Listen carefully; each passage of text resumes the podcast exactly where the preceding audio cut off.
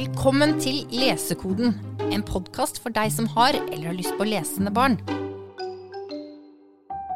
Hva kan vi lese etter Harry Potter? Har du noen gode gråtebøker? Nynorsk? Er dette fine ord? Har dere et tips til en niåring? Har dere bøker som ikke er for tjukke? Krig og sånn? Har dere noen bøker om følelse?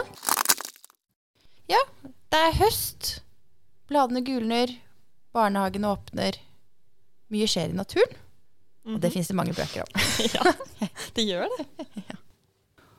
Jeg heter Ingrid og er formidler på Deichman. Og med meg i studio i dag har jeg mine fantastiske kolleger Eline, Pernille og Sigrid. Hallo! Vi har nå funnet fram noen favoritter som omhandler temaet høst. Mm. Så jeg begynner. Jeg begynner. ja. Kaster meg ut i det. På slutten av sommerferien brukte jeg og familien litt tid på å se på fuglene som har begynt å gjøre seg klare til å reise sørover. De samler seg i flokker. De flyr fra busk til busk i fine formasjoner og setter kursen sørover. Og den anerkjente illustratøren Max Estes har laget en vakker bok som heter 'Vi flyr sørover'. Den er veldig sånn dus i fargene. Og det er en faktabok, men den er veldig Det er ikke så mye tekst i den. Og det fine grepet den gjør, er at den, den følger fuglen fra fuglens perspektiv. For vi har jo brukt mye tid på å se på fuglene og undre oss over dem. Men hva tenker fuglene på? Der de sitter i buskene og gjør seg klare til å dra. Og så følger vi de på, på reisen nedover Europa og til Jeg syns det er helt ufattelig at de kommer seg til sydspissen av Afrika.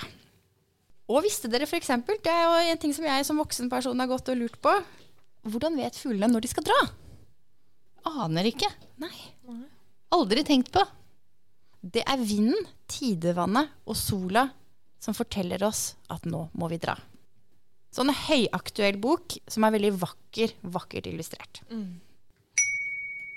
Det jeg elsker mest av alt med høsten, det er å plukke ting. Altså plukke sopp, plukke bær. Bare gå i skogen og finne ting du kan plukke. Det er fantastisk. Og derfor så har jeg med meg tre bøker, en eh, trio, eh, som rett og slett handler om eh, plukking på diverse måter.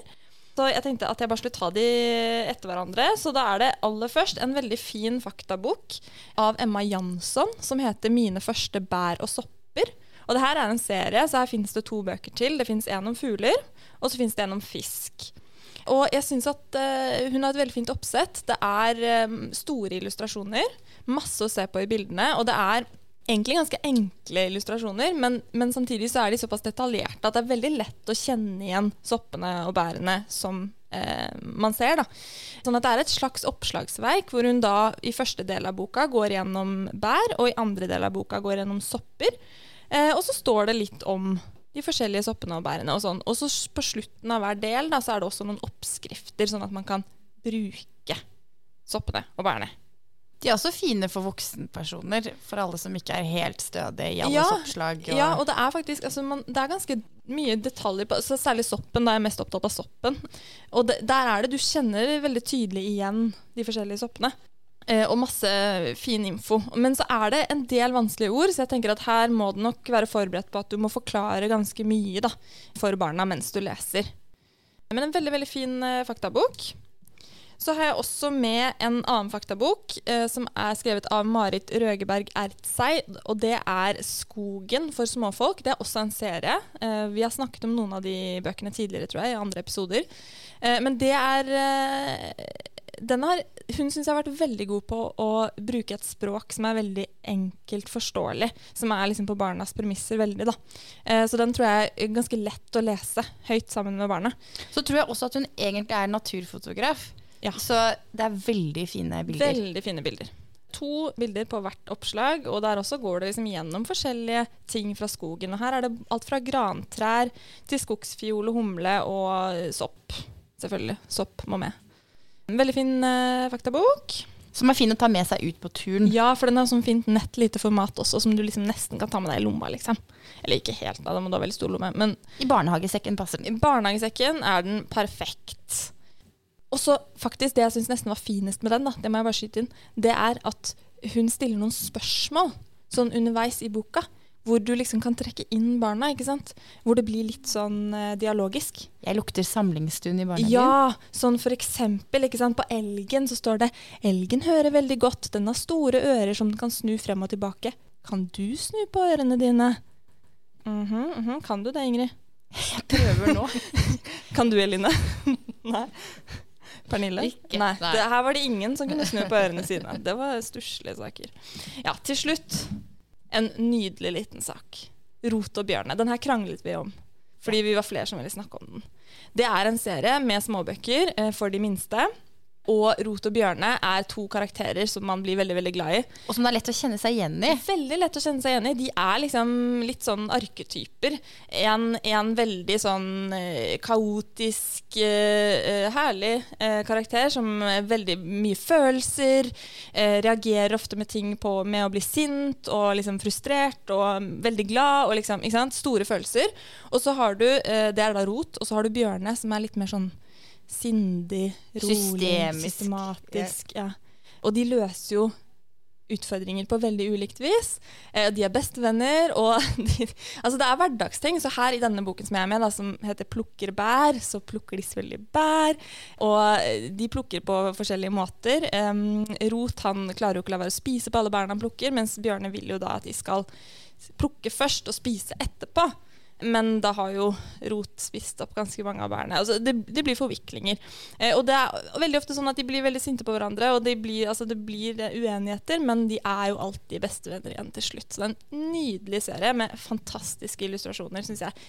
Veldig mye i de ansiktsuttrykkene, og ja, det er flott.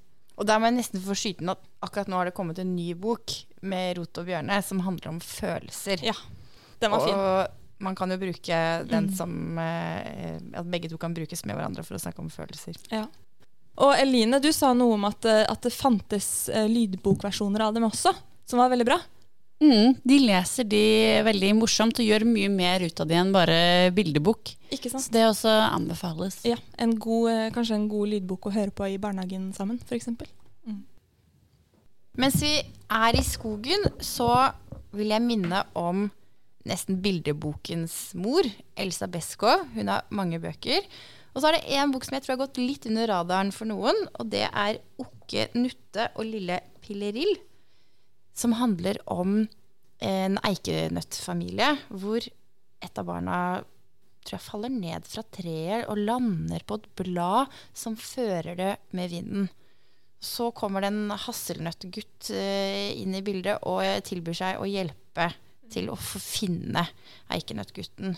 Og et, eh, et ekorn hjelper også til. Så blir vi ført av gårde med vinden, bokstavelig talt. Og den er da satt i, eh, i, i høstskogen, og det det er løv og eikenøtter. Nydelig. Nydelig skogseventyr. Og nede på skogbunnen, når vi er der, så møtes alt jeg har av, av følelser i boken eller serien til Jill Barclem om eh, Tornekrattet, en musefamilie som bor nede i, liksom, i, under jorda, under et stort eiketre. Og for å måte, gi en sånn beskrivelse av assosiasjoner i univers, så vil jeg si at det er, det er måte, drømmen om Narnia-beverne, for de som husker den. Og det er liksom Jane Austen og livet med Larkins som møtes i disse fantastiske illustrasjonene. Og Jill Barklem, som har skrevet og illustrert, hun, hun hadde synsproblemer. Så derfor er det helt sånn ufattelig hvor detaljerte og nydelige de, de illustrasjonene er. Og det er veldig sånn erkebritisk. Små, koselige mus som bor under jorda og har sitt eget univers. De sanker og samler. Og, og hun har skrevet bøker til de forskjellige årstidene. Og min barndomsfavoritt er den som heter En høstfortelling. Hvor hovedpersonen, musa Nøkleblom, drar på tur med den litt eventyrlige kompisen sin Wilfred for å samle bjørnebær. Bjørnebær, ja. Og så kommer de bort fra hverandre. Plutselig så er hun alene på eventyr blant store strå, og, og så blåser det opp til uvær. Og det blir mørkere, og så begynner det å regne. Og jeg husker som barn at det, altså jeg tror jeg var helt sikker på at hennes siste time var kommet, kommet mot slutten. Men eplefar og de andre ved eiketreet, de har ikke glemt henne. Så det er lys i mørket, og det ender veldig, veldig vakkert. Men da kan jeg fortsette med en annen brite. Ja. Kan jeg ikke det? Jeg har gjenoppdaget Roald Dahl. Ja. Og dette her er litt sånn, nå bryter jeg idyllen, Ingrid. Jeg bare, ja. For den jeg har tatt med, det er boka 'Den magiske fingeren'. Og jeg har tenkt at den egentlig var kanskje for litt større barn, men den kan funke bra som høytlesningsbok for store barnehagebarn også. Uh, jenta her, hun, eh, hun har ikke noe navn, hun heter Jenta. Og hun har for en stund siden oppdaget at hun har en magisk finger. Og det betyr at hvis hun uh, blir veldig, veldig, veldig sinna og peker på noen, så skjer det noe dramatisk med de hun peker på. Tidligere så har hun pekt på lærerinna si da lærerinna oppførte seg veldig veldig dumt og dårlig. Og lærerinna hun ble til en katt. Eller det vil si hun fikk ører, værhår og hale. Som hun ikke blir kvitt. Irriterende. Er, ja, ja. Men i hvert fall, så Det som skjer her, det er ikke sant, om høsten Hva er det det er tid for da? Sopp. Bær og jakt. Jakt. Det er tid for jakt. Eh, Folk drar på jakt i Norge sånn utover høsten. Og denne jenta her i denne boka, hun hater det. Hun hater alt som har med jakt å gjøre, og hun er rasende på naboene sine som eh, skyter ender. Og det er ikke noe sånn matauksperspektiv i den jakta de driver med. Her blir det bare fremstilt som at de, de går på jakt bare for gøy. Ikke sant? Mm. Jeg er ellers for jakt, personlig. Hvis man skal ha noe å spise, så syns jeg det er helt greit å gå på jakt. Men denne jenta her, hun har ikke det perspektivet. Hun bare vil ikke at man skal skyte dyr, og særlig ikke ender. Og en dag så bare retter hun den magiske fingeren mot familien Greg, og det skjer dramatiske ting med dem. Tenk å ha en magisk finger, da. Ja. Det Det, det er bare det beste man kan ha, har jeg følelsen av nå. En annen ting som jeg veldig fort eh, tenker på når jeg tenker på høsten, er jo det her mørket som kommer. Og det er det jo mange voksne som er redd for, men veldig mange barn også. Jeg, vet, ikke, jeg tror ikke jeg er den eneste her som sov med døra på gløtt og nattlampa på. Og jeg har tatt med meg to bøker som handler veldig fint om mørket. Eh, For barn helt ned til sånn tre år er fint, og oppover, ganske langt oppover. Og den første det er en, en, veldig trygg og fin og rolig bok som heter 'Sover du ikke, veslebjørn'. Og den hadde jeg i en sånn eventyrsamling da jeg var liten, så kanskje noen har hørt den eh, der før. Av en som heter Martin Waddell. Han er brite. Nå fikk jeg han til å høres litt svensk ut, men han er egentlig britisk. Og i den boka her så møter vi veslebjørn og storebjørn, som har vært ute i sola og lekt hele dagen. Og så skal de ned i hula si og legge seg. Og det syns veslebjørn er ganske skummelt. Og han tenker på det store mørket som alltid er rundt han, sier han. Som alltid er omsluttende. Og Storebjørn sitter i stolen sin og leser, og prøver å få veslebjørn til å sove. Og så henter Storebjørn en lykt, og en lykt til, og en enda større lykt. Men uansett hvor mange lykter de har, så syns veslebjørn det er skummelt. Så den har det her veldig sånn fint repeterende eventyraktig over seg. Som mange barn er glad i. Som er veldig fint og ganske sånn beroligende og søvndyssende. Og så avslutter den med at de to går ut sammen og ser på store mørket som er ute, utafor hula, men også, der ser de også stjernene som lyser, og, og der sovner faktisk veslebjørn også ute i mørket. Ja, det syns jeg virker mye skumlere. det hadde ikke jeg gjort, altså. Sove ute i mørket. Ja, sånn alene, sånn utendørs. Hvis du Det er en- det. Men hvis du er en bjørn Ja, kanskje da. Ja, ja godt poeng. Fordi, det er jo interessant at du ikke ville ha gjort det, fordi begge de Jeg har også en bok som heter 'Jeg er ikke', parentes, veldig mørkredd med meg. Og den har samme moral, egentlig, da. Hvor, eh, hvor eh, hovedkarakteren, som er et barn som er mørkredd, også blir med ut på telttur. Og slokker, endelig tør å slokke lykta si ute, da. Ja. Og så ser han at ok, men det her er ikke så skummelt allikevel. Så begge bøkene får mørket til å bli noe trygt når man faktisk konfronteres med det, og når man ikke bare ser skygger og det Ja. ekle. Huh. Eh, Men er, er mørket mindre skummelt utendørs enn innendørs, liksom? Jeg syns ikke det. Nei, ikke jeg heller. Men kanskje det er en voksengreie? Kanskje barn av og til syns det er tryggere ute? Jeg, jeg vet ikke, det er bare interessant. Ja, det er det. Jeg Ja. syns, syns de har veldig fine sånne Det er noe veldig fint i tankene om at mørket kan være trygt som sånn omsluttende, og altoppslukende også.